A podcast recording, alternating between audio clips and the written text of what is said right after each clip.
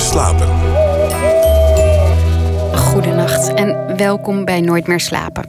Tot het nieuws van 1 uur praat ik met documentairemaker Monique Lesterhuis. Een uitkering krijg je tegenwoordig niet zomaar. In veel gemeentes moet je er verplicht iets voor terugdoen. Van solliciteren tot papierprikken bij de gemeente Reinigingsdienst. Voort wat hoort wat beleid heet dat in de documentaire De Tegenprestatie.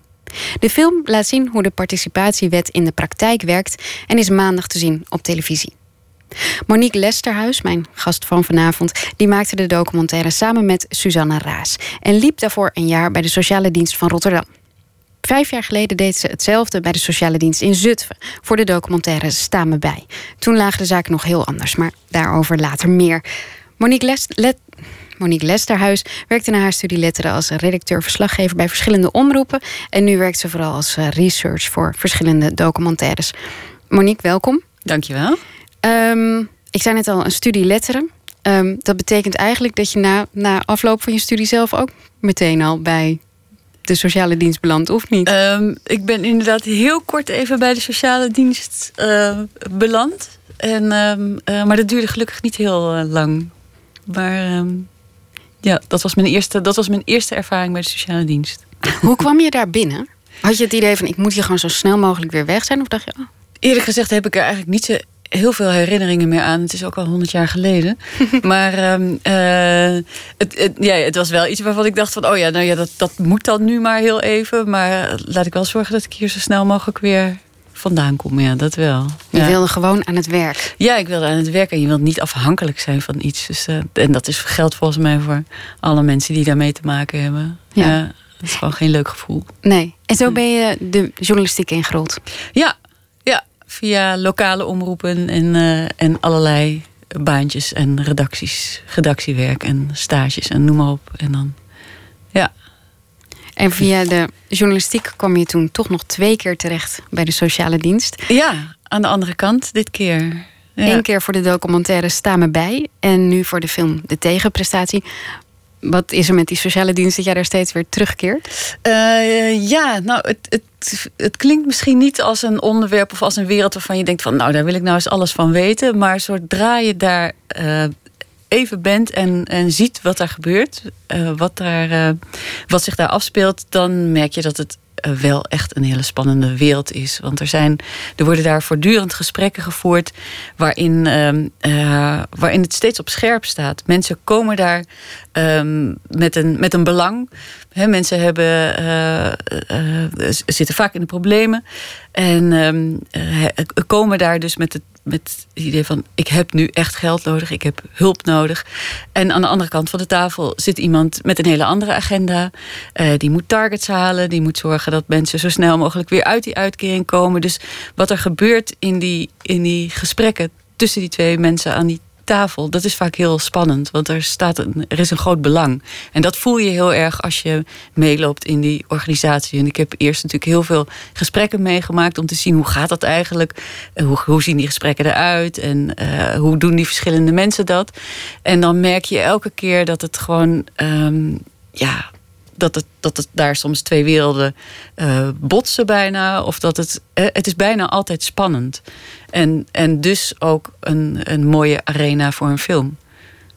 Is het. Uh, dus hoe lang. Je, je hebt er een jaar rondgelopen bij beide sociale diensten? Uh, ja, het eerste al ongeveer een half jaar uh, researchen. Dus zorgen dat je die organisatie leert kennen, dat je die mensen leert kennen, dat die mensen uh, een beetje vertrouwen krijgen en denken van, nou, oké, laat die camera maar komen. Want dat is natuurlijk, dit is natuurlijk niet niks om uh, zo op je, op je vingers gekeken te worden terwijl je aan het werk bent. Dus je moet eerst zorgen dat je daar een beetje um, weet hoe alles werkt. En, en erachter zien te komen, wat is nou eigenlijk het verhaal hier? Wat speelt hier eigenlijk? En wat is nou interessant om te laten zien? Um, dus ja, daar ben je echt een tijd mee bezig. En, ik ben in Zutphen inderdaad zeker een half jaar uh, daar eerst geweest voordat we gingen filmen. En nu met de nieuwe film in Rotterdam eigenlijk ook weer. Uh, dat, is natuurlijk helemaal een ontzettend grote organisatie. Dat is zo'n grote stad met zo'n grote sociale dienst ook. Dat uh, voordat je daar een beetje weet hoe het, hoe het werkt en hoe al die verschillende programma's en afdelingen heten. En, en ja, daar ben je wel even daar ben je wel even mee bezig. Ja, in die, in die film, uh, je volgt eigenlijk de, de gesprekken tussen de cliënt en de medewerker. Ja. Ehm, hoe zit jij daar zelf bij als researcher? Ga je dan gewoon naast de medewerker zitten en volg je dan die gesprekken? Of, of... Ja, ik zat tijdens de, tijdens de research zat ik inderdaad naast de medewerker. En die stelde mij dan soms voor als uh, dit is een collega die kijkt hoe ik het doe. Of, uh, of dat werd niet eens zo heel erg uitgelegd, maar vindt u het goed als er iemand bij zit? En ja, mensen vinden dat eigenlijk altijd goed, want ja, je zegt, je, je hebt niet zo heel veel in te brengen. Dus uh, mensen zeiden eigenlijk nooit van, uh, nou nee, dat wil ik niet. Um, dus ik zat eigenlijk altijd uh, naast, uh, naast de consulent. En, en hoorde dus ook al die levens voorbij komen. Want dat is wat er gebeurt in zo'n gesprek. En die consulenten in Rotterdam voeren soms wel acht van dat soort gesprekken op een dag. En dan hoor je acht levensverhalen voorbij komen. En met al die verhalen moet je iets. Want elk gesprek moet leiden tot een bepaalde beslissing, tot een volgende stap. En dat is echt ongelooflijk zwaar. Ik was vaak s'avonds echt doodop. En ik dacht, jeetje, als je dat iedere dag zo doet, dat is, uh, ja. En um, hoe kies je dan je hoofdrolspelers als elk gesprek eigenlijk interessant is? Um, nou, in, in uh, Zutphen hebben we heel erg gekozen. Dat, dat was de film die we vijf jaar geleden hebben gemaakt, Staan we bij. Daar kozen we voor uh, twee hoofdpersonen, twee consulenten... die een heel verschillende visie hadden op hun werk. De een was uh, eigenlijk een soort oud-maatschappelijk werker... die zijn cliënten mee achter op de fiets nam... omdat hij een huis voor ze had gevonden. De ander was meer een strenge politieagent. Die zei van nee, mensen moeten gewoon een schop onder hun kont hebben. En dat vonden we interessant, dat, dat mensen met zo'n verschillende manier van werken, die toch dezelfde wet uitvoeren, uh, om dat te volgen. Nu in Rotterdam, vijf jaar later, is de wereld echt ontzettend veranderd. En uh, Rotterdam is natuurlijk ook een veel grotere stad. Er zijn 38.000 mensen in de bijstand. Dus dat, is, dat kun je al bijna niet eens voorstellen. Dus het eerste wat daar opviel was die grootsheid, de machinerie, hoe het, ehm, hoe het allemaal is geprotocoliseerd eigenlijk. En um, dus we hadden toen al snel het idee: nee, we moeten niet uh, hoofdpersonen hebben die we de hele film gaan volgen. Je moet juist die grootsheid laten zien. Je moet juist die, die uh, veelzijdigheid laten zien. Al die verschillende gezichten die voorbij komen, die diversiteit, die, al die mensen die daar langskomen hè, aan beide kanten van de tafel. Dus um, uh, ja, zo hebben we nu gekozen om juist heel veel verschillende mensen te laten zien die heel kort ziet, maar die samen eigenlijk een, een beetje een beeld geven van uh, hoe het eraan toe gaat. Was je niet bang dat het daardoor heel uh, onpersoonlijk zou worden? Um, dat, dat is het misschien ook wel een beetje. En misschien is dat ook wel het beeld van wat je daar hebt. Hè. Je, je merkt dat, um, dat mensen voortdurend eigenlijk uh, hetzelfde te horen krijgen en dezelfde boodschap te horen krijgen. Je merkt dat de ambtenaren in Rotterdam heel erg getraind zijn om dat nieuwe beleid um, over te dragen. En dat doen ze met heel veel verf en heel veel uh, enthousiasme eigenlijk. Maar voortdurend is er bijna een soort mantra dat mensen te horen krijgen. Um, u vraagt een uitkering aan, daar vragen wij als gemeente wel iets voor terug. En doordat je dat voortdurend maar hoort van al die verschillende medewerkers, hadden we soms bijna het gevoel van het, lijkt wel bijna een soort toneelstukje wat je, hè, waarin de rollen eigenlijk zijn uitgeschreven. Dit is wat de ene kant van de tafel zegt en de andere kant van de tafel reageert daarop. En, um, en, en dus krijgt het ook bijna iets onpersoonlijks. Terwijl heel veel uh, consulenten in hun gesprekken natuurlijk wel hun eigen uh, persoonlijke manier hebben om mensen te benaderen. Maar in de, de, ja, zij zitten ook een beetje in de kaders.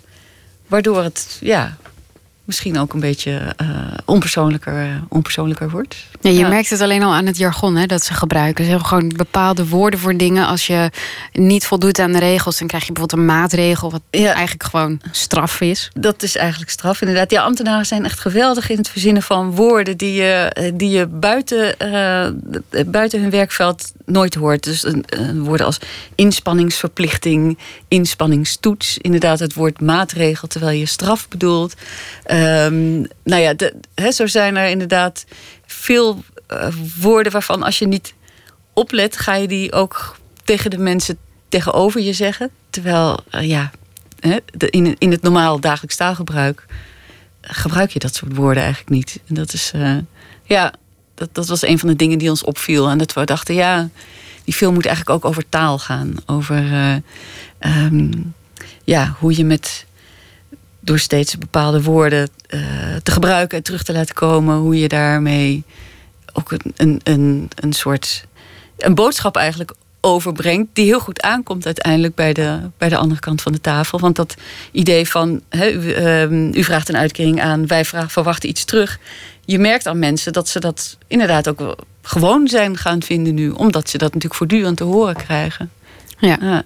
Maar mensen praten ook gewoon soms volledig langs elkaar heen. Dat gebeurt ook. Ja, en dat komt natuurlijk omdat ze allebei een ander belang hebben. De mensen die een uitkering komen aanvragen, die hebben vaak de, eh, nou ja, het water staat ze tot aan de lippen. Ze, de, ze zijn al een paar maanden achter met de huur. Er moet nu echt iets gebeuren, want anders gaat het helemaal mis. Dus die zitten met dat belang aan tafel. En degene tegenover hen, die heeft zijn targets te halen. Die weet van ik moet zoveel mensen in een bepaald programma krijgen. Ik moet zorgen dat er zoveel mensen uit die uitkering komen. dus die, die, die zitten met een heel ander Ehm, doel daar aan die tafel. En dat merk je soms in de gesprekken, dat ze elkaar dan niet vinden. En, uh, ja. De gemeente Rotterdam is, is bij uitstek een gemeente die hier best wel veel kritiek op heeft gehad. Deze wat, wat onpersoonlijke benaderingen. Dat mensen eigenlijk vrij snel um, papier moeten prikken of, of naar de kassen gaan van het Westland. Waarom wilden zij eigenlijk meedoen? Waarom wilden ze dit laten zien? Waarom de gemeente Rotterdam dit wilde laten zien? Ehm, nou, de, ja, de gemeente heeft een heel eh, duidelijke uh, visie en een, uh, en een uh, best wel met, met veel stoere taal. Hè? Iedereen aan het werk. Hup, iedereen die iets kan doen, die moet aan de slag. En dat is een, een beleid waar ze uh, nou ja, heel erg in geloven en in, uh, erg achter staan. En zij zijn daar ook al een paar jaar uh, mee bezig. Dus zij lopen eigenlijk een beetje vooruit op wat je nu in de rest van Nederland ook ziet gebeuren. En ik denk dat zij.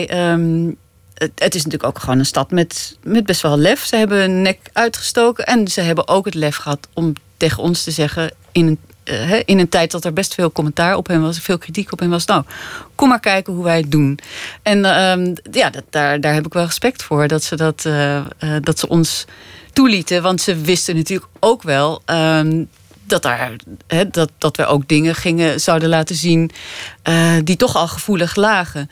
En ik denk, um, ja, omdat ze, om, omdat ze een hele duidelijke uh, keus gemaakt hebben en daar ook dat heel consequent uh, doorvoeren en daar echt achter staan, um, dan denk ik dat je het ook aandurft om, om aan de rest van Nederland te laten zien. Nou, zo doen wij het. En wat doen jullie eigenlijk? Want dat is natuurlijk ook een beetje de vraag die wij in die film eigenlijk willen oproepen. Want Rotterdam doet het op deze manier.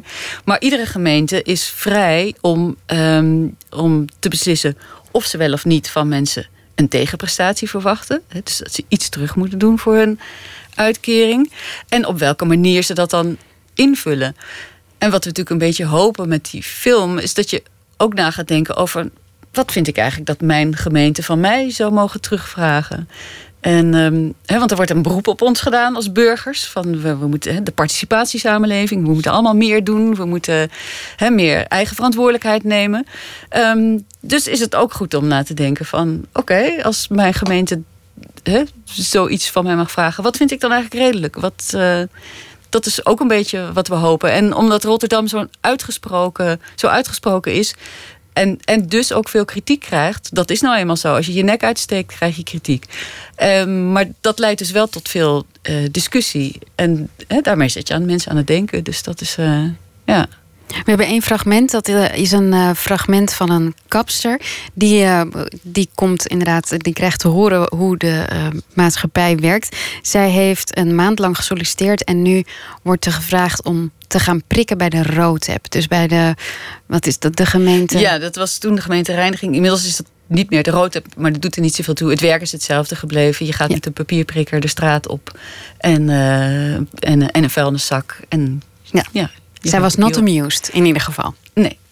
Ik ga je aanmelden voor 14 oktober om kwart over negen hier op de tweede etage. Ja. En dan ga je ongeveer acht uur groepstrainingen volgen, sollicitatie, hoe je gaat solliciteren. En acht uur ga je wel een tegenprestatie doen. Ja. En dat is bij de Roter, momenteel. Pardon? Ja. Je vraagt de uitkering aan en ja, iedereen Weet je, weet je waar, waar ik zo boos om word... is dat iedereen hier kan zomaar een uitkering krijgen. Ik heb tot nu toe nog bijna geen ene reet gekregen. Sorry voor het taalgebruik, maar ik word nu echt heel boos. Mhm. Ik lever continu al mijn papieren leef ik in. Wat ik net zeg, ik heb hier alle bewijzen dat ik continu alles inleeft. Hier wordt overal wordt alles kwijtgeraakt. Zullen we het daarover straks hebben? Nee, ik, ik wil het daar nu even over hebben. Want u vraagt mij iets en ik, ik, ik, ik word hier boos over. maar waarom voor mij, boos? Waar, waar, ik om boos om word, ik doe alles wat jullie vragen. En mijn huur en alles, et cetera, gaat gewoon door. Het feit is dat ik straks mijn huis uit word gezet door jullie toedoen. en dan moet ik voor de roadtap gaan werken. Acht uurtjes? ja, acht uur. Tegenprestatie. Ik, ik, ik, solliciteer me dood. Maar tot nu toe heb, heb, heb, ik nog geen u luistert naar VPRO Nooit meer slapen. En ik praat met Monique Lesterhuis. We hoorden net een fragment uit haar documentaire De Tegenprestatie... die uh, maandagavond wordt vertoond op televisie. Het gaat over de nieuwe participatiewet. En uh, eigenlijk vormt de film een tweeluik met uh, Sta me bij... die vijf jaar geleden is gemaakt. Hoe ben jij zelf eigenlijk opgevoed qua werk? Ben je van het niet lullen maar poetsen mentaliteit? Of... ja, ik heb in mijn... Um in mijn omgeving en familie uh, niemand, ken ik niemand die een uitkering had. Dus dat, dat hele idee van. Uh, Gratis geld. Ja, nee, dat, dat, uh, nee, daar ben ik eigenlijk nooit mee in aanraking gekomen. Dus ik ben nou ja, gewoon opgevoed met het idee dat je je eigen boontjes moet kunnen doppen en, en, en zelfstandig en onafhankelijk moet zijn. Ja. Dus ehm, ja. Je moet gewoon aan de slag. Ja, is het, um, wat ik me zat af te vragen, is, is dat niet eigenlijk normaal voor mensen? Zit dat niet gewoon in de mens dat die gewoon niet heel veel zin heeft om thuis op een bank te zitten? Ja, ik denk dat uiteindelijk dat niemand daar gelukkig van wordt. Inderdaad, dat, dat niemand er gelukkig van wordt om alleen thuis te zijn, geen, uh, geen dagritme te hebben, geen collega's te hebben met wie je dingen gewoon dagelijkse dingen bespreekt. Uh, ik denk dat, dat iedereen uiteindelijk gewoon ehm, iets bij wil dragen of zich nuttig wil voelen of iets wil doen. Ik, ik kan me niet voorstellen, inderdaad, dat je. Ehm, dat je zegt, terwijl we ze natuurlijk wel zijn tegengekomen, mensen die uh, in, in de dertig die op de bank zitten en zeggen van laat ons maar met rust. Maar ik, ik kan me niet voorstellen dat je daar echt gelukkig van wordt. Wel dat je misschien bang wordt van welke stappen je moet zetten om dan iets te gaan doen dat kan ik me wel voorstellen. Dat je op een gegeven moment dat het ook een soort veiligheid wordt. Van nou ja, dit is in elk geval een soort zekerheid. Zo'n uitkering. Het is misschien niet veel geld, maar je weet wat je hebt. En dat het hoe langer, het, hoe langer je in zo'n uitkering zit, hoe groter de stap wordt, denk ik, om daar weer uit te komen. Maar uiteindelijk denk ik dat. Ik kan me niet voorstellen dat je daar, dat je daar gelukkig van wordt. Nee. In Sta me bij heb hebben jullie die, uh, de types die inderdaad wel graag op de bank blijven liggen, hebben jullie vooral geportretteerd. Um, in deze film de tegenprestatie eigenlijk niet. Um, en het, het, gekke is dat die regels eigenlijk wel uitgaan van dat soort mensen. Hè? Van, van mensen die geen zin hebben om te gaan werken. Ja, nee, de mensen die je nu in deze film ziet in de tegenprestatie zijn hele andere mensen. En dat komt omdat, het, omdat uh, uh, de wereld zo is veranderd. Um, omdat er nu uh, zie je veel meer mensen die uiteindelijk in de bijstand belanden nadat ze misschien 30 jaar gewerkt hebben. En het bedrijf waarvoor ze werken is failliet gegaan tijdens de crisis en mensen belanden in de WW. Dus je ziet heel andere mensen dan we vijf jaar geleden in, uh, in, in Zutphen zagen. Dat waren vooral mensen die echt al lang in een uitkering zaten. En dan inderdaad misschien ook een beetje daaraan gewend raken. Um, nu in deze film zien we veel mensen die net een uitkering aanvragen. En, en daar merk je, ja, dat, zijn, dat is echt een ander, een ander verhaal. En vandaar ook dat die mensen, zoals de kapster die je net in het fragment hoort, zij, is kapster, de dame die te horen kreeg dat zij uh, papier moest gaan prikken, um, dat dat een ontzettend rauw op hun dak valt. Um, want het is vaak voor hen de eerste kennismaking met de sociale dienst, met een, met een uitkering aanvragen. En mensen gaan daar naartoe, weten niet echt wat ze moeten verwachten. En krijgen dan te horen: um, oké, u gaat nu uh, één dag in de week uh, papier prikken, 15 weken lang. Um, dus ja, dat, dat, dat is wat veel mensen uh, enorm overvalt. En waar ze, waar ze niet op gerekend hebben, inderdaad. Ja. Het is een, een aanpak ook, wat ik net al zei, die de, de gemeente Rotterdam best wel wat uh, kritiek op heeft geleverd. Gisteren was de première van de tegenprestatie. Um, daar werd ook bij geprotesteerd, hè? Ja, wij wilden graag een, eh, een première in Rotterdam. Want het, het is een Rotterdamse film, dus we wilden dat ook daar gewoon uh, de wereld in inbrengen. Dus we hebben een, een een première georganiseerd met een debat eraan vast. Dus uh, staatssecretaris Kleinsma was erbij, de wethouder uh, van Rotterdam was erbij. En um, uh, als die mensen ergens komen, dan zijn er ook altijd mensen die denken: aha, dat is een kans om ons verhaal te vertellen. Dus er was inderdaad een protestactie georganiseerd. Er waren mensen buiten die een gouden en zilveren papierprikker hebben uitgereikt aan, aan de staatssecretaris en aan de wethouder. En um, ja, dat, dat geeft wel een beetje aan dat dat inderdaad een onderwerp is wat heel uh, gevoelig ligt. En um, uh, wat er ook steeds weer wordt uitgepikt. En dat wordt ons dan uh, ook wel weer verweten van... ja, maar jullie hebben het ook maar steeds weer over dat papier prikken. dat is ook zo. Het is maar echt een klein onderdeel van wat er allemaal gebeurt... bij die sociale dienst. Er zijn ook allerlei trainingen en sollicitatietrainingen en, en workshops en dingen uh, die mensen richting werk helpen. Um, maar juist dit onderdeel roept heel veel weerstand op. En het komt natuurlijk ook omdat het zo zichtbaar is. Mensen gaan de straat op met een oranje hesje aan en een papierprikker. Dat is, dan ben je dus heel zichtbaar. En dat roept bij mensen gevoelens van schaamte op. mensen lopen daar en denken, ja, straks denken voorbijgangers dat ik een taakstraf heb. Want die mensen lopen ook in zo'n hesje met een papierprikker. Dus het is, um, het is iets wat, wat gewoon uh, wat, wat veel weerstand oproept. Terwijl het werk op zich, niemand is tegen een schone stad. Heel veel mensen zijn ook heel graag de hele dag in de buitenlucht. Maar het, de manier um, waarop het gaat. En uh, dat je eigenlijk wel gedwongen bent om het te doen, omdat je anders minder geld krijgt. Dat maakt dat het uh, bij veel mensen uh, ja, enorm veel weerstand oproept. Maar ja. ga je niet, want um, wij, hebben, wij hebben dezelfde achtergrond, letterenstudie. Uh, we zijn allebei werkzaam in de, in de media. Dus dat, dat is een plek waar je um, met losse contracten werkt. Dus je weet eigenlijk nooit als je ergens aan begint um, wat je daarna hebt. Ben je, ik, ik ben wel bang dat ik ooit daar terecht kom. Heb jij dan dat ja, zelf? nou, Suzanne en ik... Uh, uh, toen we daar uh, rondliepen en filmden, waren we ons er voortdurend van bewust dat het, um, dat het eigenlijk heel dichtbij is. Dat er heel weinig voor nodig is om daar zelf ook te belanden. Als je twee keer pech hebt, kun je daar ook terechtkomen. En dus zo kijk je dan ook. En ik dacht zelf ook van hoe zou ik het nou vinden als ik te horen kreeg dat, ik, uh, dat ik met een oranje hesje aan de straat op moet. Ik, ik zou er heel erg ongelukkig van worden. Terwijl wat ik net zei, het is natuurlijk heel nobel werk. Het is, ik ben heel blij dat het gedaan wordt. Maar ik zou toch, ik zou er heel veel uh, moeite mee hebben. En, um, maar, en het is inderdaad zo dat, dat um, we ons er voortdurend van bewust waren. Ja, dit kan ons ook overkomen. Dit kan, het kan iedereen overkomen in, uh, in deze tijd. Je raakt je baan kwijt. Je hebt misschien een korte durende WW. En uh, zeker als je boven de 50 bent, uh, wordt het al helemaal lastig om, om nog iets te vinden. Dus ja. Als je dan zo'n documentaire aan het researchen bent, word je dan s'nachts wel eens wakker? Ik kan me dat wel voorstellen dat je er. Dat je het persoonlijk ook gaat aantrekken. Um, uh, over de, de vraag of ik daar zelf ooit zou belanden... of over de vraag of het wel een goede film gaat worden. Of, uh, nee, of, of je er zelf ooit gaat belanden. Nou, nee daar, daar, nee, daar ga ik mij nog niet wakker over liggen. Um, maar natuurlijk is het wel iets dat als je daar zo, um, zo mee bezig bent...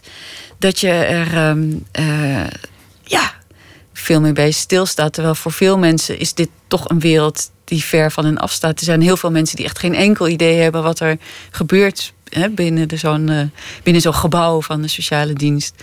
Dus, um, uh, maar als je daar een tijd lang zo, zo intensief mee bezig bent, zoals wij gedaan hebben, ja, dan ga je, je gaat er heel anders naar kijken. Ja. Jullie hebben um, een, een zo objectief mogelijke documentaire gemaakt, volgens mij. Was dat ja. dan moeilijk? Um, nee, dat is helemaal niet moeilijk. Want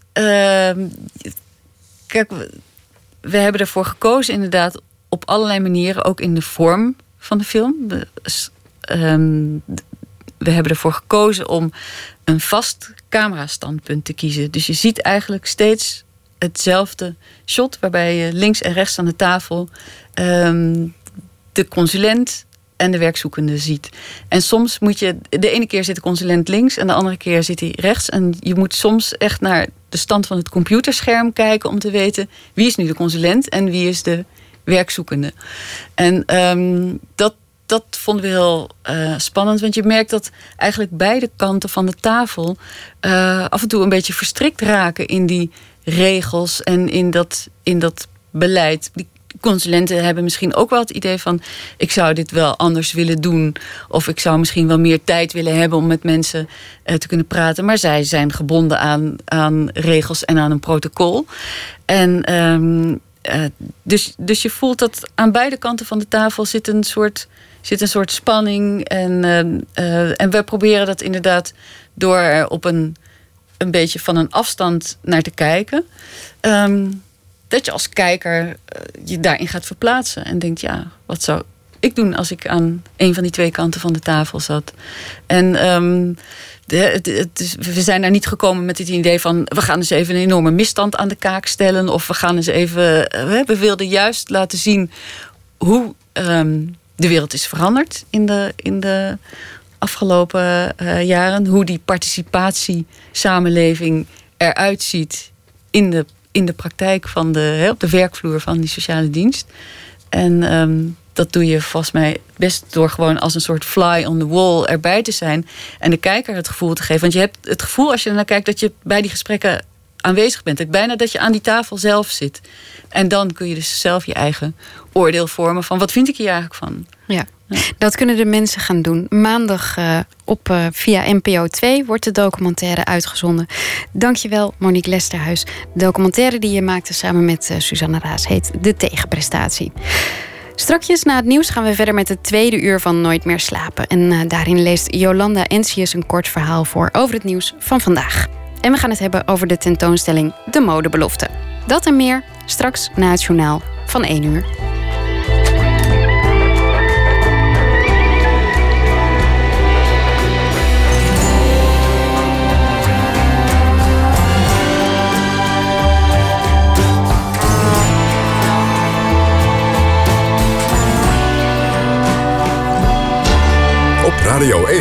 Het nieuws van alle kanten.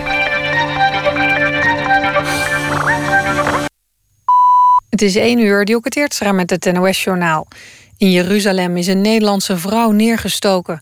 Ze zat in een bus die dinsdag werd aangevallen door twee Palestijnen. Ze staken de passagiers neer en schoten in het rond. Twee mensen kwamen om het leven. De vrouw is 69 jaar, ze is christelijk en woont al langer in Jeruzalem. Volgens minister Koenders komt het geweld in Israël met deze zaak akelig dichtbij. De afgelopen tijd waren er meerdere aanslagen op Israëlische burgers. Vaak waren het steekpartijen. De minister benadrukt dat gewerkt moet worden aan een duurzame oplossing voor het Palestijns-Israëlisch conflict. Het ministerie van Volksgezondheid moet het Erasmus Medisch Centrum een hoge schadevergoeding betalen. Het ministerie moet ruim 235 miljoen euro op tafel leggen in verband met de verbouwing van het Rotterdamse ziekenhuis. In 2008 besloot het Erasmus om te gaan verbouwen, maar het kreeg de financiering niet rond. De toenmalige minister Klink zegde daarom 100 miljoen euro toe. Maar vorig jaar trok zijn opvolger, minister Schippers, dat weer in, omdat sprake zou zijn van ongeoorloofde staatssteun. Omdat de verbouwing toen al bezig was, heeft het ziekenhuis nu recht op een schadevergoeding. Bij een aanslag op een Sjiïtische bijeenkomst aan de oostkust van Saoedi-Arabië zijn vijf mensen om het leven gekomen. Dat meldt de Saoedische staatstelevisie. In de stad Sayhat zou een man het vuur hebben geopend bij een controlepost net buiten een hal waar een religieus evenement van Sjiïten aan de gang was. De dader, een man van in de twintig, is doodgeschoten door veiligheidstroepen. Sayhat aan de oostkust van Saoedi-Arabië is voor het merendeel Sjiïtisch. Sjiïten zijn steeds vaker het doelwit van Soenitische extremisten in Saoedi-Arabië. Het weer in de loop van de nacht wordt het geleidelijk droog. Het koelt af naar 5 tot 8 graden. Overdag overwegend bewolkt, vooral in de middag opnieuw regen. Het wordt een graad of 10. Tot zover het NOS-journaal. Er is verkeersinformatie van de ANWB op de A4 Delft richting Amsterdam. Tussen Leidsendam en Dorp staat 6 kilometer. Dit was de verkeersinformatie. NPO Radio 1. VPRO. Nooit meer slapen.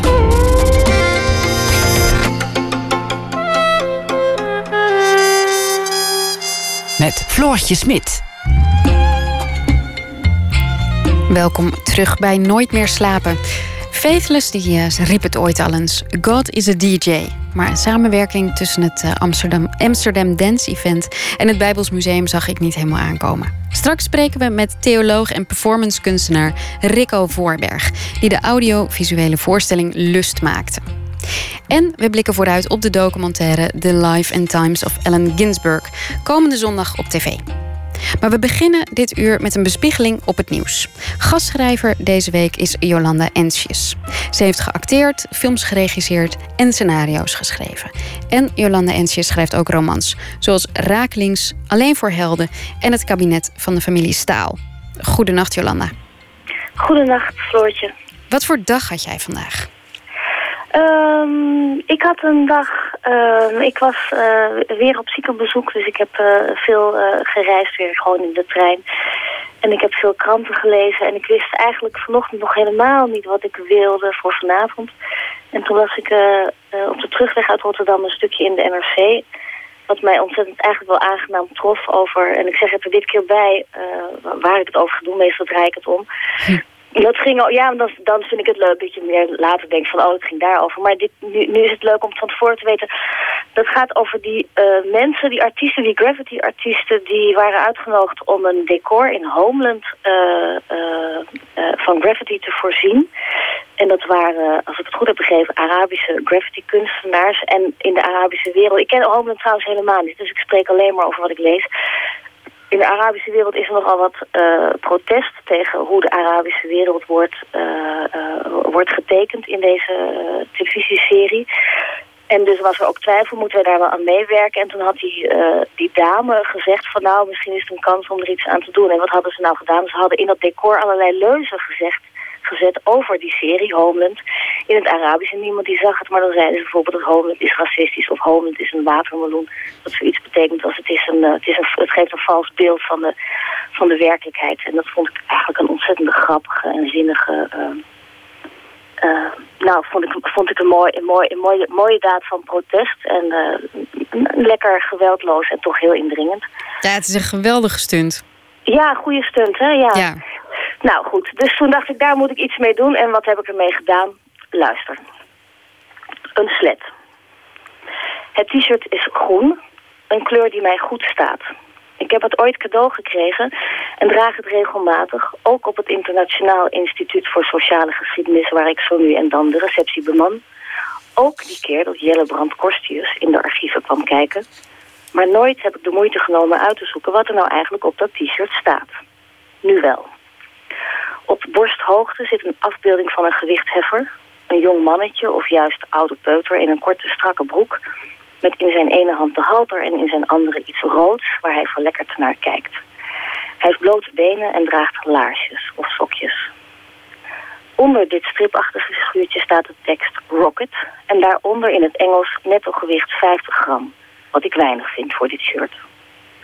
Rechts daarvan, en daar gaat het om, staan diverse regels tekst in een schrift dat mij vreemd is. Daaronder staat Made in Egypt, waaruit ik concludeer dat die onbegrijpelijke letters iets in het Arabisch beweren. Maar wat? Onder dat Arabisch staat Manouf date, dubbele punt, Shell live, weer dubbele punt, one year. Ingredients sugar, glucose, milk powder, cacao butter, cacao mass en E322. En dan weet ik het. Chocola. Allah dank. Het is een reclame voor chocola. Je wil er toch niet aan denken dat Jelle zijn helblauwe ogen op mij en mijn t-shirt laat vallen... en dat hij dan leest, ik ben een slet. heb, je dit shirt, heb je dit shirt gegoogeld voordat je dit zo... Of heb je het thuis? Nee, ik heb het echt, ik heb het echt in de kast hangen en het ligt hier nu uh, naast mij uh, op het bureau, achter mij, naast het, ik, ik lees het van mijn computer. En het ligt ook echt op tafel. En ik heb het echt net twee uur geleden, want ik was een beetje in paniek. Ik dacht, wat, wat doe ik er nou mee? En toen dacht ik, oh ja, dat, dat shirt dat ik van Martin heb gekregen, waar ik altijd een beetje beschaamd, omdat het is een leuk t-shirt. Maar ik wist dus al die tijd niet wat erop stond. En door dit, toen dacht ik opeens, nou, dan moet ik er toch eens goed naar kijken. Want misschien staat er wel ook, weet je, of dood aan de Joden of dood aan de Palestijnen. Ik weet het niet, want ik kan het gewoon niet lezen. En als je dan bedenkt, uh, ook wat er nu weer in, uh, nou ja, dat is niet een associatie, maar wat er nu weer in Jeruzalem gebeurt. Het is natuurlijk heel raar om iets te dragen en geen idee te hebben wat erop staat. Maar dat heb ik dus wel gedaan. Maar nu, het is echt, denk ik, reclame voor, voor een chocoladereep.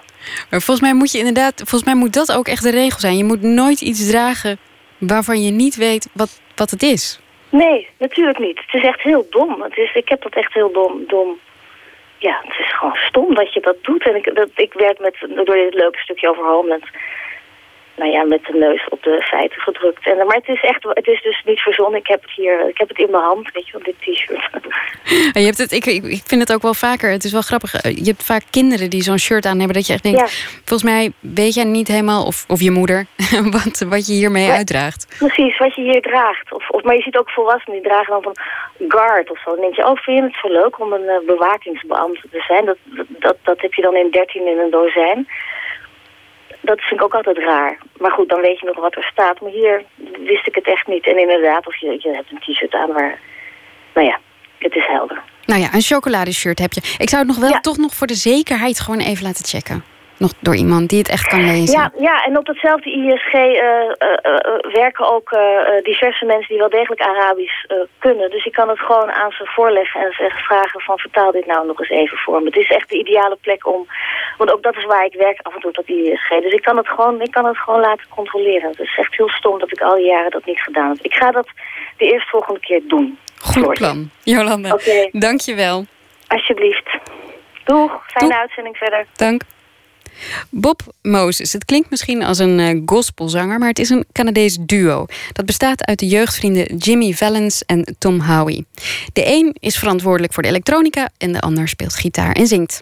Van hun debuutalbum Days Gone By is dit Writing on the Wall.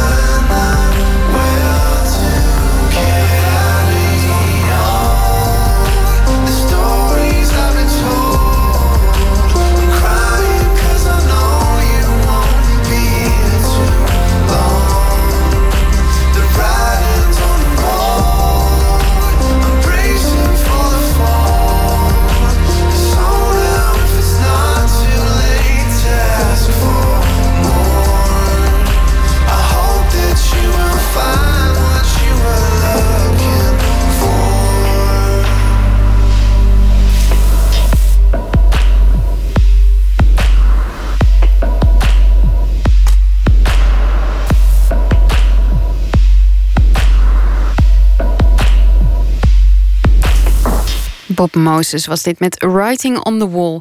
En als u dit mooi vond, in december komt het duo naar Paradiso in Amsterdam. En er zijn nog kaartjes ook. Nooit meer slapen. Het Amsterdam Dance Event heeft veel side-events, ook op onverwachte plaatsen. Eén daarvan is het Bijbelsmuseum in Amsterdam. Theoloog en performancekunstenaar Rico Voorberg die werkte mee aan een expositie en een performance over lust. Verslaggever Anne Martens zocht hem op.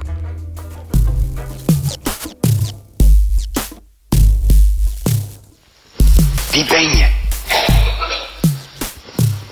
Wie ben je? Nou, dat is een prachtige zin van een dominee uh, die wij doorvertelden als studenten toen ik nog theologie studeerde. Uh, waarin hij in het vuur van zijn betoog zei: stelen, foei, liegen, nou, seks, bah. Langs de gracht in Amsterdam zie je al heel veel vlaggen hangen van het Amsterdam Dance Event. En ik ga langs bij een van de side events van het Amsterdam Dance Event. En dat is in het Bijbelsmuseum aan de Herengracht. Wie ben je? Wie ben je? Ik ben Rikke Voorberg en ik ben uh, theoloog en performer of kunstenaar. Maar dat is een beetje waar ik in gerold ben, omdat ik in de zeg maar, rationele geschreven theologie niet genoeg vond uh, als uh, manier om, om te onderzoeken waar, waar het verhaal nu over gaat. Dus dat vond ik in de kunst veel meer. Uh, kunstenaars, theatermakers, die me ergens helpen om, of ja, hielpen om dat verhaal op aarde te brengen. En niet als een, een, uh, een ideale blauwdruk over deze wereld te leggen. Maar gewoon te voelen van wat is, wat is nou waar? waar? Waar zijn mensen nou eigenlijk mee bezig? En zo ben ik uitgenodigd bij ons museum. Om hier iets te maken. Ik kom bij een klein kabinetje. Met een rood gordijntje zie ik. En een, uh, een kerkstoel. Een knielbank. Een knielbank. Je kunt op het knielbankje plaatsnemen. En dan verdwijn je zo'n beetje in de kast met je hoofd. Kun je het gordijntje achter je dicht doen. En dan heb je je eigen gesloten kabinetje. Ja. Waarbij je meteen uh, in de spiegel staart. Dus je komt meteen je, jezelf tegen. Zowel voor je als links en rechts. Zo'n zo'n drieluik spiegel. Uh, en daar ligt een, uh, een hoorspel van wat eigenlijk een preview is van, van het werk wat we in de performance gaan maken. Waarin ik samen met een, uh, een filmtoetsenist heb ik fragmenten van dominees verzameld uit mijn traditie. Ehm, die iets zeggen over lust. Uh, dus dat kan een, een, vernietigend commentaar zijn op de ellende van begeerte. Uh, tot een euforisch verhaal over hoe onze lust de Heer te vrezen um, ons in vuur en vlam zou moeten zetten. Verlangen naar, verlangen niet naar om vreemd te gaan. Verlangen naar, verlang niet naar verboden seks. Verlangen naar om vreemd te gaan. Verlangen niet naar verboden seks. Verlangen naar verboden seks. Verlangen niet naar verboden seks. Verlangen naar om vreemd te gaan. Verlangen niet naar of naar ander verkeerd gedrag op seksueel gebied. Moet je niet teruglaten. Zedeloosheid, hartstocht, laten. Als je hierin zit, word je echt gedwongen om naar jezelf te kijken en te luisteren naar wat de dominee te zeggen heeft. Uh, ja, om even de verschillende aspecten van lust te verkennen. Met als uh, leidende vraag aan het, aan het begin en aan het eind van dit werk: wie ben je? Je hoort hem nu. Um, en die zie je het beste als je in de spiegel kijkt. Okay. Dus die, daar heb je een installatie van de, van de hoofdzondes. Ja. Ze hebben een muur ingericht met, uh, met Breugels en Rembrandts. En uh, allemaal werken die iets van die hoofdzondes verbeelden. Uh, dat is het thema van het Bijbels Museum. De komende zeven maanden willen ze zeven hoofdzondes in beeld brengen. Um, en dat is dus lust en woede en uh, hebzucht en uh, die elementen. Um, en daar willen ze gebruik maken van wat er al in de kunst is gedaan. Maar het is ook alweer een punt om uh, juist met hedendaagse kunstenaars mee te spelen. Dus ze willen die verbinding maken tussen oud en nieuw. Um, en tussen kunst van toen en, en kijken wat jonge kunstenaars daar vandaag weer mee doen. En jij bent dus uitgenodigd om een tentoonstelling te maken over lust. Maar ook in samenwerking met het Amsterdam Dance Event. Hoe is dat gegaan? Ja, het, uh, ik mag een installatie maken of een performance uh, uh, rondom lust. En um, het was tijdens het Amsterdam Dance Event deze eerste maand. Dus dachten ze, ja, dit is eigenlijk een hele goede connectie. Dat is natuurlijk een ontmoeting van werelden die voor iedereen interessant is. Ja. En kun je even beschrijven, wat is lust? Hm. Wat is lust? Ehm, als zonde is het, uh, ja, wordt ook wel omschreven als begeerte, als um, verlangen, wellust. eigenlijk ken ik alleen synoniemen ik zou niet zo een, een makkelijk een definitie kunnen geven.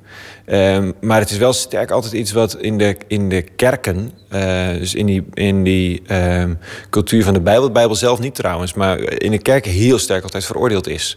Als uh, seksuele zondes. En uh, dat was altijd iets waar je heel makkelijk mensen op kon aanspreken. En wat op de een of andere manier een, een ding was om het kerkvolk mee te controleren. Of in elk geval om de mensen binnen de paden te houden.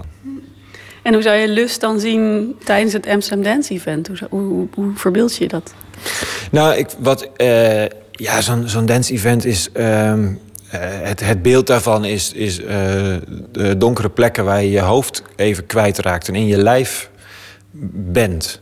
en ontmoeting met anderen. En um, de, er was een, een dominee die ooit die, um, de dans dan ook een aangeklede coitus noemde. Uh, en uh, daar zit natuurlijk ergens iets in, zeg maar. Dat je, dat je al, je maakt al, al heel veel connecties zonder elkaar ergens te kennen. Um, en dat, um, maar da, daar speelt lust een hele belangrijke rol, denk ik. En, en verlangen en begeerte en overgave en al die elementen die erbij zijn.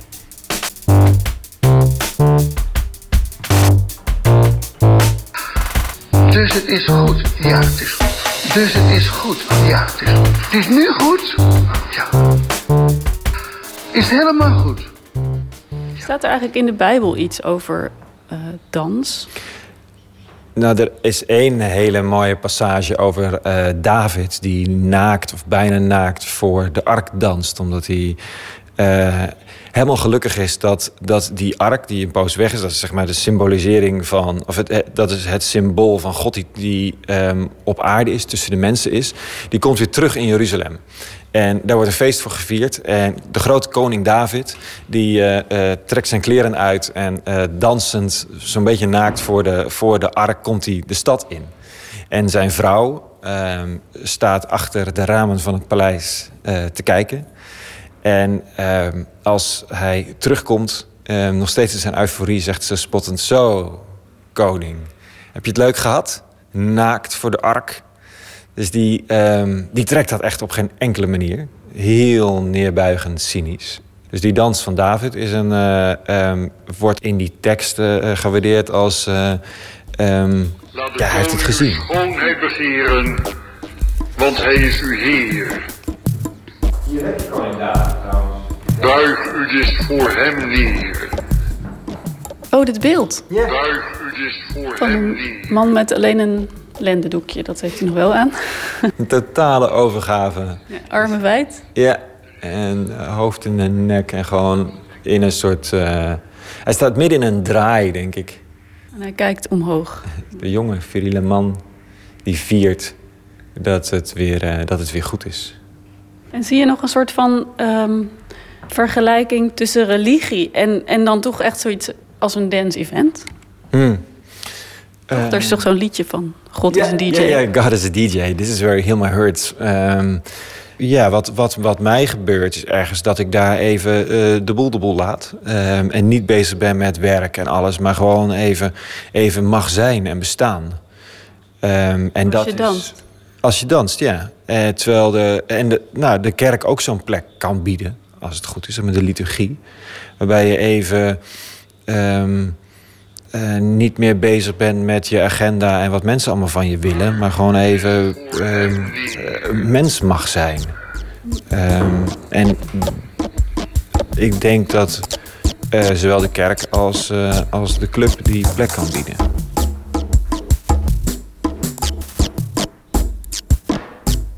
Ik ben denk ik uh, met kunstenaars en ook met evangelie eigenlijk altijd bezig om aan het licht te brengen wat in het verborgene speelt. Omdat ik dat um, omdat het belangrijk vind.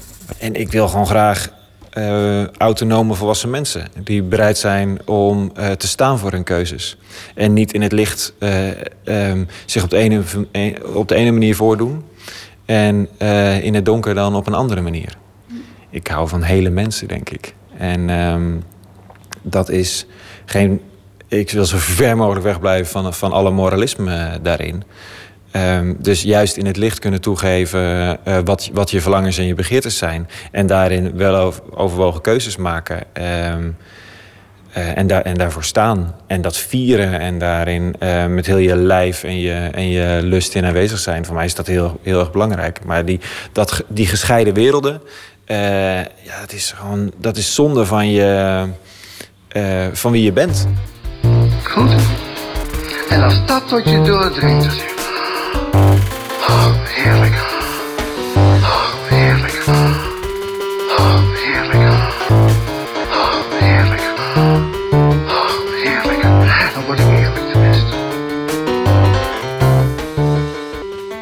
U hoorde Anna Martens in gesprek met theoloog en performancekunstenaar Rico Voorberg.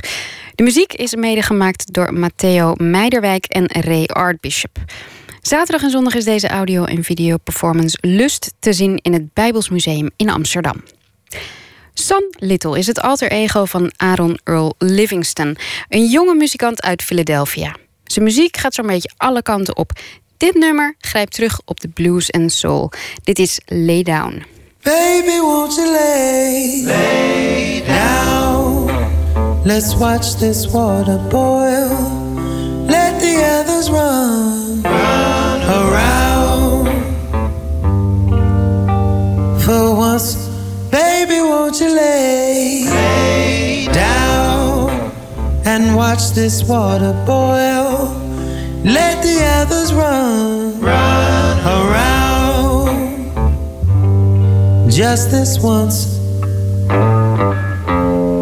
lay down with me a moment. Let me ease, let me ease your word mind. Lay down and drift a moment.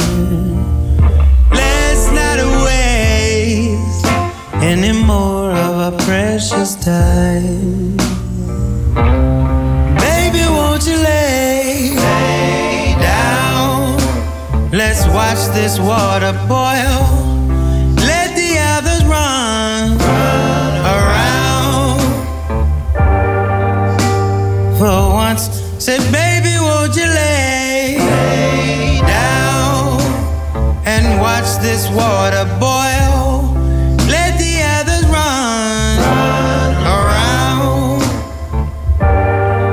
Just this once. Let your hair down and pull the curtain. Let me see, let me see you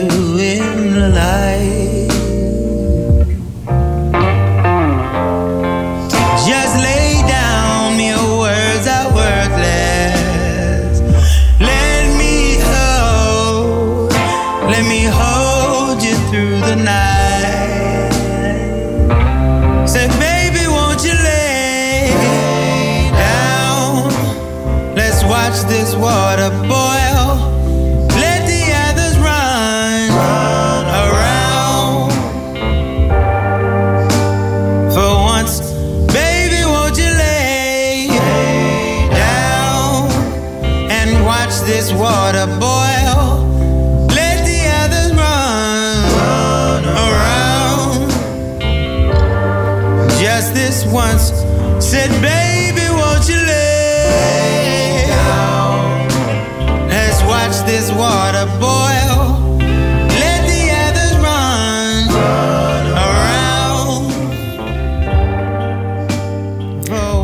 Son Little met Lay Down. Afkomstig van zijn debuutalbum Things I Forgot. Nooit meer slapen. Iedere vrijdag bellen we voor een culturele tip met een van VPRO's smaakmakers. En vandaag doen we dat met modejournalist Milou van Rossum van NRC Handelsblad. De afgelopen weken waren de belangrijkste internationale fashion weeks van de grote modesteden. En Milou bezocht die in Milaan en Parijs. Goedenacht Milou. Hallo. Hi. We gaan straks even terugblikken op die uh, Fashion Weeks en op wat jou daar nou opviel. Maar volgens mij moeten we eerst even bespreken wat er zich afspeelt in Eindhoven, de Dutch Design Week. Ja, nou ik heb eigenlijk maar één ding gezien. En dat was volgens mij ook het enige ding dat klaar was deze woensdag. En dat is het, uh, het modegedeelte. En um, uh, sinds eigenlijk al, ik denk een jaar of 10, 11, ik heb ze niet allemaal gezien, uh, is er op Dutch Design Week mode. Er is natuurlijk ook de Dutch Design Awards, er wordt ook een modeprijs uitgereikt. En uh, het leuke van de modetentoonstelling uh, op Dutch Design Week is dat die eigenlijk elke keer weer een beetje groter wordt. Um, vorig jaar was hij in een, een, verlaten discotheek, ergens in het uitgaansgebied. En dit keer hebben ze een tentoonstelling gemaakt in het Philipsstadion. Um, helemaal langs het veld. En hij is alleen morgen gesloten, want dan wordt er een wedstrijd gespeeld. En uh, dan moeten ze alles afbreken en dan gaat hij zondag weer open. En het is een, een, um, een tentoonstelling met werk van 42 modes, nou ja, ex-modestudenten, want zijn allemaal net afgestudeerd uit de hele wereld. En um, dit is, die komen van Nederlandse academies gedeeltelijk, want die, die academies in Nederland zijn al lang niet meer Nederlands. Daar komen ook mensen tot echt van de verste puntjes uit China komen daar, maar ook van Amerikaanse, Engelse en nog een aantal academies. En die uh, selectie is gemaakt door onder meer Nick Pulles, zelf een ontwerper. Die is in, Nederland alle uh, afgegaan en de rest heeft hij gewoon via internet kunnen vinden. En het, de keuze voor het Philipsstadion is gemaakt omdat de mode zo ontzettend naar de sport aan het kijken is. En dat sportkleding steeds meer als gewone kleding wordt gedragen. Niet alleen schoenen, maar je ziet nu ook dat heel veel vrouwen gewoon op straat lopen in een sportlegging. Dus die, dat, die sfeer wilden ze pakken door in, in dat stadion. En wat je moet voorstellen is langs, langs het veld helemaal zijn zes soort tunnels gebouwd, allemaal in een andere kleur. En daar staan, daar staan die kleding van de jonge ontwerpers een beetje op bij, passend bij elkaar gerangschikt. En um, op uh, poppen die door Nick Pulles zijn veranderd in een soort sportman met een hele sportieve houding. En bij sommigen zie je helemaal die spiermassa. En daarop zie je dan het werk van die, van die jonge ontwerpers. En ik vind het zelf ontzettend leuk om juist in die fase naar mode te kijken. Als mensen net zijn afgestudeerd, dan hebben ze net al die kennis van de academie en al de begeleiding gehad. Maar zo'n eindexamencollectie is natuurlijk altijd gemaakt om op te vallen, hè, om jezelf te onderscheiden en je stijl te vinden. Dus niemand houdt eigenlijk nog rekening met het feit dat iets moet worden gedragen of, of dat het praktisch is. Dus het is altijd een nou ja, explosie en creativiteit. Dus nou ja, dat is mijn tip voor deze week. Dus wie naar Dutch Design Week gaat, ga ook even langs het Philipsstadion. Dus vlakbij het, uh, vlakbij het Centraal Station. Ja, je zei net dat die sportkleding uh, zo, zo doorcijpelt. Hè? Dat zie je ja. nu toch? Dat zie je eigenlijk ook al in het straatbeeld. Ja, Komt dat, dat daar vandaan? Je ziet, het vooral, je ziet het vooral in het straatbeeld. Ja, um, ik zag het bijvoorbeeld. Nou, het is al een tijdje. Een tijdje zag je het ook heel erg bij modeshows. Hè. Je, in, voor de, dit najaar zie je het ook dat, dat die mannen dan uh, dat dan een joggingbroek bij een, een net jasje wordt gedragen en zo. Het is eigenlijk natuurlijk al een ontwikkeling die in de jaren tachtig is begonnen toen uh, voor het eerst uh, de Nike's en die Adidas op straat werden gedragen. Um, maar wat volgens mij nu nieuw is, is dat die sportkleding ook steeds meer integreert in de kleding. En je ziet bijvoorbeeld wat je heel erg ziet is in de jeansindustrie. Um, uh, je ziet me echt, ik vind, elke keer als ik op straat zie, zie ik wel ergens meestal jonge vrouwen in die zwarte, weet je, die zwarte renleggings lopen. Die worden tegenwoordig gedragen als een soort spijkerbroek. Dus wat je nu ziet, is dat de, uh, heel veel jeansmerken maken nu een soort uh, hybride tussen een sportbroek en een jeans. Dus dat is een soort, niet een, echt een skinny jeans, maar iets dat bijna zit als een legging. En het is ook zo dat in die sportwereld zijn ze natuurlijk ontzettend experimenteren met, met, met stoffen. Vroeger was polyester was een materiaal waar je enorm klevig en zweterig van werd. Maar ja, tegenwoordig is dat eigenlijk het, aangenaamste materiaal om te dragen. Omdat het voorkomen vochtafdrijvend is. Dus al die ontwikkelingen gaan steeds verder die mode in. En Um, toevallig was ik uh, deze week ook op bezoek bij de firma Pauw. En die kennen we natuurlijk allemaal van de, van de deftige, strakke jasjes. En je ziet daar ook dat het, het, het nieuwe succesjasje van dit merk is een hè, vrij deftig merk. Is, is ook een heel los ding. En zij zeggen, ja, vroeger kochten vrouwen hier laarzen. Maar nu, nu kopen ze gewoon alleen maar sneakers. Dus dat is echt door alle gelederen van de mode zie die invloed van, van de sport en van het comfort. En heb jij, kon jij een van die jonge ontwerpers, heb jij daar een voorbeeld van? Kan je een voorbeeld ja, noemen? en nou, het grappige is natuurlijk dat die jonge ontwerpers, ze hebben, ze hebben ze, die zijn natuurlijk niet echt, uh, die hebben die collecties niet echt gemaakt op, op sport, maar ze zijn wel uitgekozen uh, op een soort sportinvloeden. Hè? Dus zij zijn niet bezig met, met comfort en dat soort dingen, maar zij gebruiken juist hele uh, bijzondere materialen. Wat je heel veel zag, wat, waar ze het wel hadden uitgezocht, was een soort kleding die bijna als een soort bescherming, als een hele dikke laag om, die, om die poppen heen zat. En dat is natuurlijk ook een aspect van sportkleding, dat het beschermend is. Het is niet alleen dat je erin moet kunnen bewegen. Maar het zit daar natuurlijk, omdat het, ja, het is natuurlijk echt monumentaal werk. Uh, het zit daar niet zozeer in die, in die oplossing van die stoffen. Het zit dan meer in het kleurgebruik. Of in het... Maar er was één meisje die kwam uit uh, meisje dat kwam uit Taipei volgens mij. Die was ook helemaal gekomen naar de presentatie uh, woensdagavond. En die had uh, stof, had ze, daar zat een print op. En die had ze daarna heel klein fijntjes geplooid allemaal. Waardoor het bijna, het kreeg iets van die schilden van schermen bijvoorbeeld. Zo zag je dat erin. Maar dat is natuurlijk wel een interpretatie zoals je het nu ziet. Dat moet ik wel zeggen. Maar die hele, ja, het gaf het wel een hele vrolijke, energieke sfeer, die keuze. Ja, allemaal heel vernieuwend. Het klinkt, klinkt prachtig. Naar het Philipsstadion moeten we dus. Maar niet op zaterdag. Niet op zaterdag. En dan over die uh, Fashion Weeks. Hoe was het in Milaan en Parijs? Is je iets opgevallen daar? Ja, ik vond het, uh, um, nou, dit keer geen sportmode op de catwalk. Dat is heel veel geweest. Um, ik vond het uh, opmerkelijk vrolijk en, en kleurig en uh, uitbundig. En, en, en nou ja, het ontzettend optimistisch, gek genoeg. Terwijl natuurlijk, eigenlijk, dat, hoewel dat eigenlijk een beetje haak staat op, op de toestand van de wereld op dit moment. En wat mij ook, wat ook heel erg opviel, dat is eigenlijk de terugkeer van de seks in de mode. Dus je, mode is eigenlijk al een jaar of tien voor vrouwen. Je had zo rond het millennium had je die porno chic, die hele harde, agressieve stijl. Met, met, met, met, die, hoge, met die gekke hoge hakken en veel bloot en zwart en zo. Toen is, is de modetijdje heel erg als een reactie erop kuis geworden. En nu zie je dat die, dat die sensualiteit een beetje terugkomt. Maar niet, maar wel op een, op een wat zachtere manier. Dus het was heel veel, bijna elke collectie zaten transparante stoffen. Of um, wat je in uh, een soort onderjurk, uh, onderjurk, zeg ik al, die, die waren in de jaren negentig, waar een tijdje ook ontzettend in trek, die zijn weer helemaal terug. Uh, Dries van Noten had um, BH's over tops heen, hè, ook iets wat, wat ook al eerder is geweest. En um, ook, wat ik ook heel interessant vond, was dat soms, dat over het hele, het waren de vrouwenshows overigens, dat moet ik even bijzeggen. De mannen, mannenmode wordt uh, in een andere periode getoond. En wat je ook zag, vond ik heel interessant, dat sommige hele bewerkelijke uh, kledingstukken, daar werd dan iets transparants overheen gedragen. Bijna als een soort beschermhoes of zo. Dus dat, en het van dit soort dingen is dat je dan eigenlijk, je ziet het één keer, je ziet het twee keer. En op een gegeven moment zie je dat dan overal terug. En ik vind het altijd zo bijzonder om te zien hoe zoiets in de lucht hangt. En dan, ja, het is bijna alsof er over vergaderd is soms. Ja. En wanneer ga je dat, want dit zijn dan de shows voor volgende zomer, neem ik aan? Ja, ja, ja. Gaan we dat dan ook terugzien op straat, denk jij? Ja, het is zo, kijk, ik denk, de, het is niet, uh, je, moet, je moet het niet zo zien dat die kleding echt transparant is. Hè? Het is een soort van gelaagd uh, dingen. Maar ik denk wel, het, het, is tegenwoordig wel zo, als zoiets zo breed gedragen wordt in de modewereld, dat dat, dat dat echt zijn weg wel vindt naar de straat. Al is het al maar via de, de Zara's en de H&M die, die daar natuurlijk uh, heel goed naar kijken. En ik denk ook als het zo... Uh, maar het, kan, het heeft natuurlijk soms wel een paar seizoenen nodig om door te dringen. Maar ik denk wel dat dit een soort verandering uh, aangeeft in de mode. Ook omdat het eigenlijk al een tijdje vrij...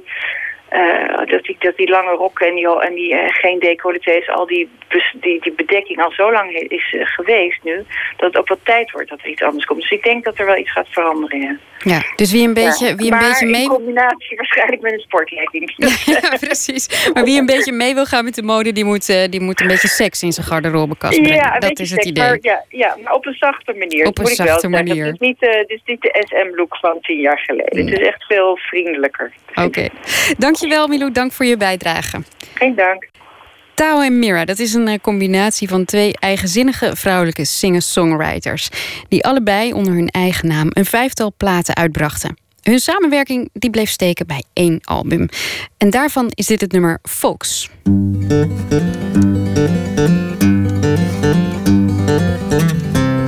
from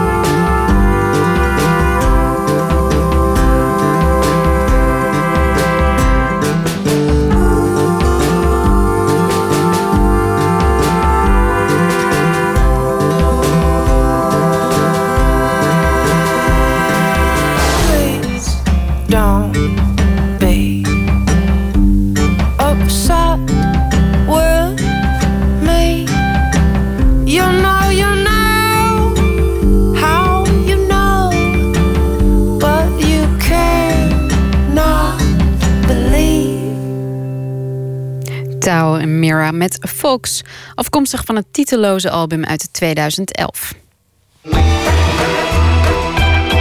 Nooit meer slapen. Zondag om 1 uur 's middags zendt de boeddhistische omroep de documentaire Time and Life of Allen Ginsberg uit. Het is een film die een overzicht geeft van het leven van de Amerikaanse dichter. Ginsberg-kenner Joep Bremmers die leverde een aantal vertalingen van gedichtfragmenten van Ginsberg aan. En Matthijs Deen die zocht hem op en keek met hem naar de documentaire. Good evening. My guest tonight is referred to as a survivor. Allen Ginsberg has certainly uh, done that. He's was a leader of the so-called Beat generation in the 50s. But he is known here in America less as a poet than a prophet. Uh, the hippie's hippie, the bohemian uh, prototype. I saw the best minds of my generation destroyed by madness, starving, hysterical, Zeg maar even te denken of je hem zelf eigenlijk ooit had ontmoet. Nee, ik heb hem nooit ontmoet. Nee, eh, ja, Simon Vinkenoog natuurlijk wel. Ja. Maar eigenlijk voordat mijn eh, interesse echt eh, loskwam, toen, eh, ja, toen was Ginsburg al overleden. I'm far from my folks back home. Kwam dat via Vinkenoog, dat, je, dat jouw interesse voor hem gewekt werd? Nou, dat is eigenlijk via Bob Dylan eh, gekomen. Omdat hij, eh, ja, Bob Dylan en Allen Ginsberg, dat- die inspireerden elkaar ook wederzijds. Allen Ginsberg later, Gator. Later, Allen Ginsberg. Later, later, Allen Ginsberg. Wild Allen Cryle. Allen Ginsberg later, later. Later, on the Life and Times of Allen Ginsberg begint met het eigenlijk al bekende verhaal van die verlegen seculiere Joodse jongen, getraumatiseerd door de heftige geestesziekte van zijn moeder, volledig in de knoop met zijn homoseksualiteit, voor wie de bevrijding kwam via de literatuur, bij schrijvers als Kerouac en Burroughs. En die toen hij eenmaal los was en zijn liefde gevonden had, explodeerde in poëzie. Howl for Carl Solomon. En Howl schreef. I saw the best minds of my generation destroyed by madness. Ginsberg maakte diepe indruk op een hele generatie lezers en schrijvers. Zoals Norman Mailer in de documentaire getuigt. I felt immediately that uh, Ginsberg was at the least a major poet, maybe a genius. Maar na die vroege vlam, na dat aanvankelijke grootse werk, zo laat de documentaire zien, slaagde hij erin om generatie na generatie aanwezig en inspirerend te blijven. Ja, vooral de, de, de kant van Ginsburg dat hij zo ontwapenend is en zo open is. En dat komt er ook goed in uh, naar voren. Er zit één uh, ja, beroemd interview uh, zit erin met een vrij rechtse, brave Amerikaanse interviewer. Mr. Allen Ginsberg is, according to the New York Times, quotes perhaps the most famous. Nou, ik heb het idee dat Ginsburg ook wel onder invloed van het, van het een of het ander is. Maar hij laat zich daar absoluut niet uh, uit het veld slaan. En, uh... Maar die interviewer ook niet. Dat ik vond het wel sterk. Want die interviewer die heeft dus een enorme inleiding.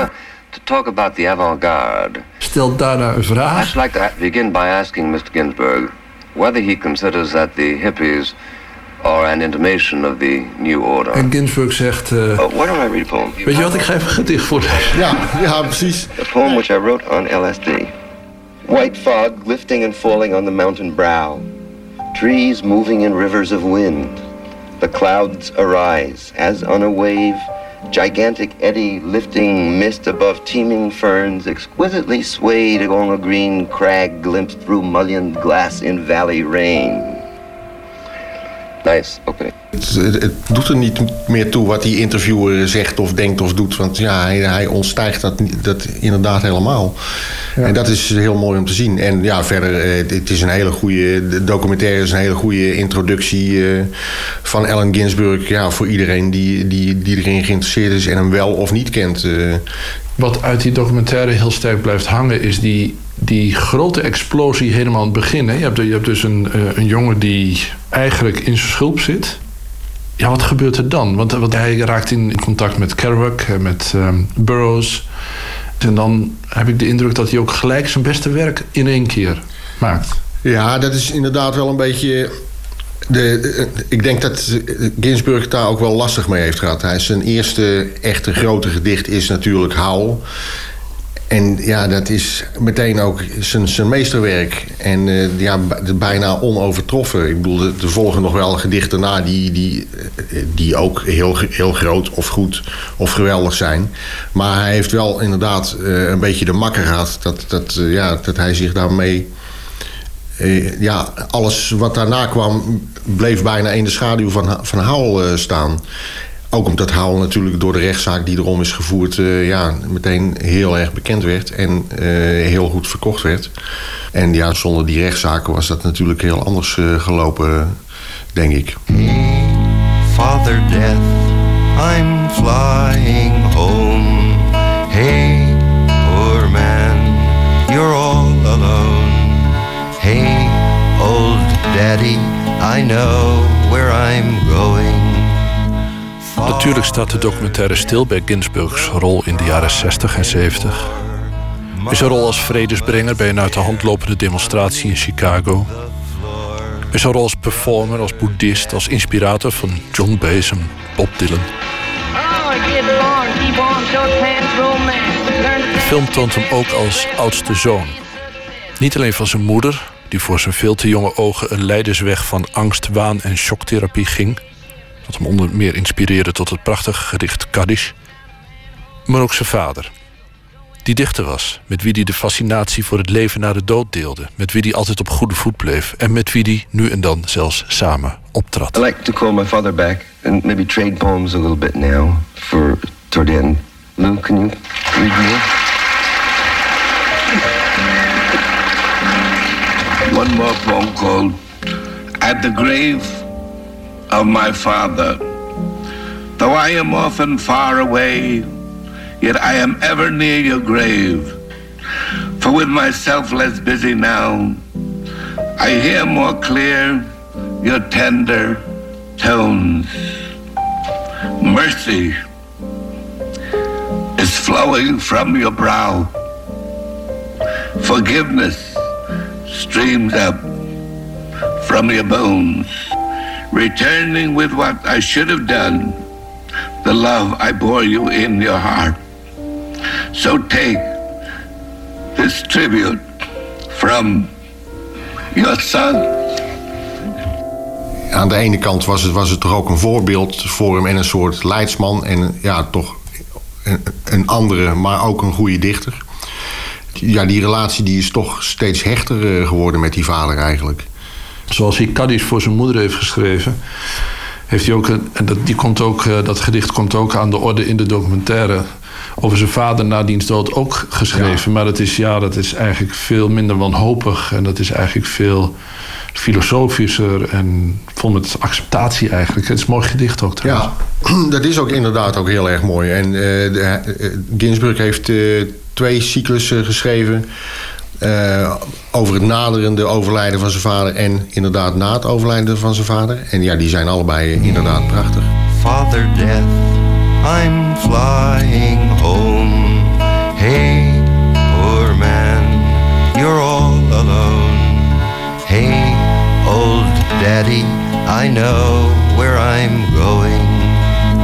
Father death, don't cry anymore. Mama's there underneath the floor. Brother death, please mind the store. Jij woont in Vlissingen, hij is hier ook geweest?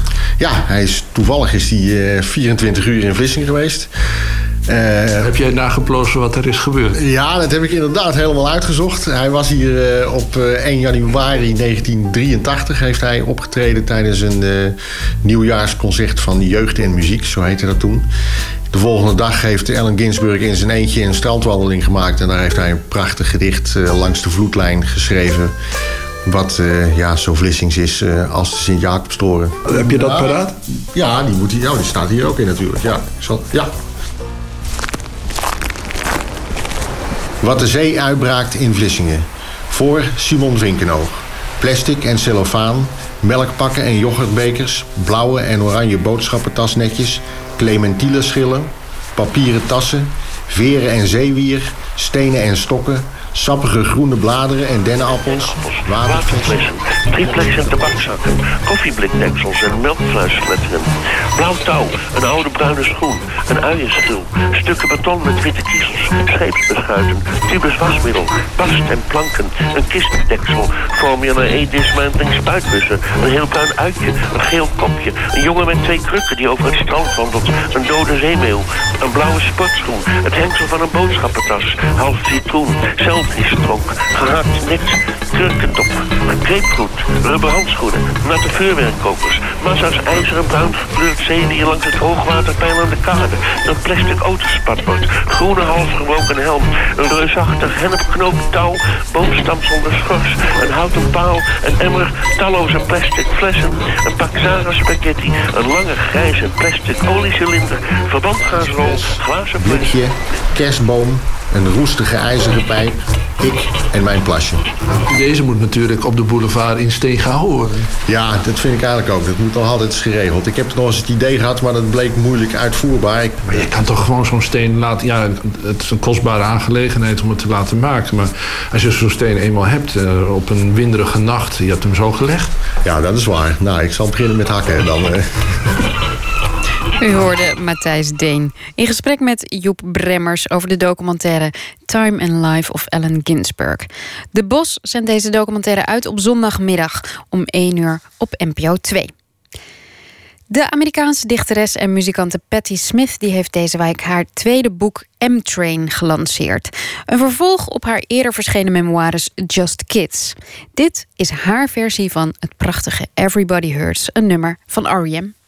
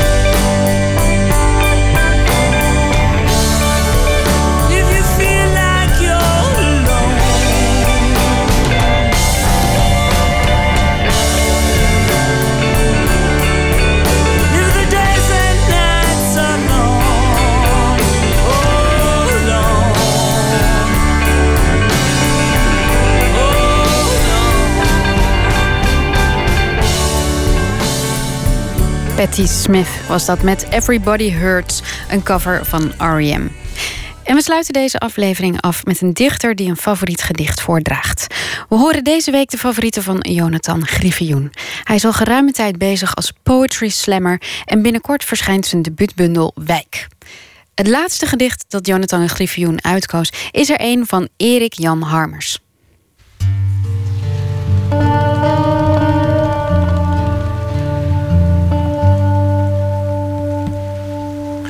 Vanavond lees ik een gedicht voor van uh, Erik Jan Harmens. En uh, Erik Jan Harmens die, uh, zit bij mij in het fonds van, van Lebowski.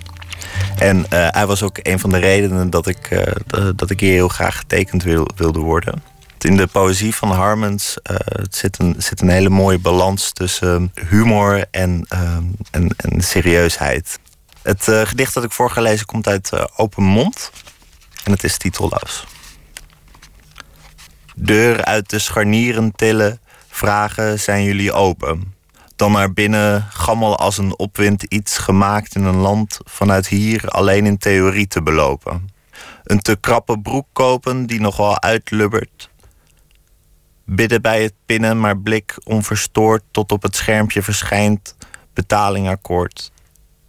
Bij de deur denken ik kan nog terug, maar je gaat niet terug. Straks valt de nacht, je blik gericht op de schouderbladen naast je in het nachtlamplicht. U hoorde Jonathan Griffioen met een titeloos gedicht van Erik Jan Harmes. Ook Caroline Dekker hebben we gevraagd om vijf favoriete gedichten uit te zoeken. Twintig jaar is ze pas. En welke dat zijn, dat hoort u volgende week. Hiermee zijn we aan het einde gekomen aan dit uh, tweede uur van Nooit meer slapen. Volgende week komt uh, Jelka van Houten langs. En ik wens u een hele erge fijne nacht toe.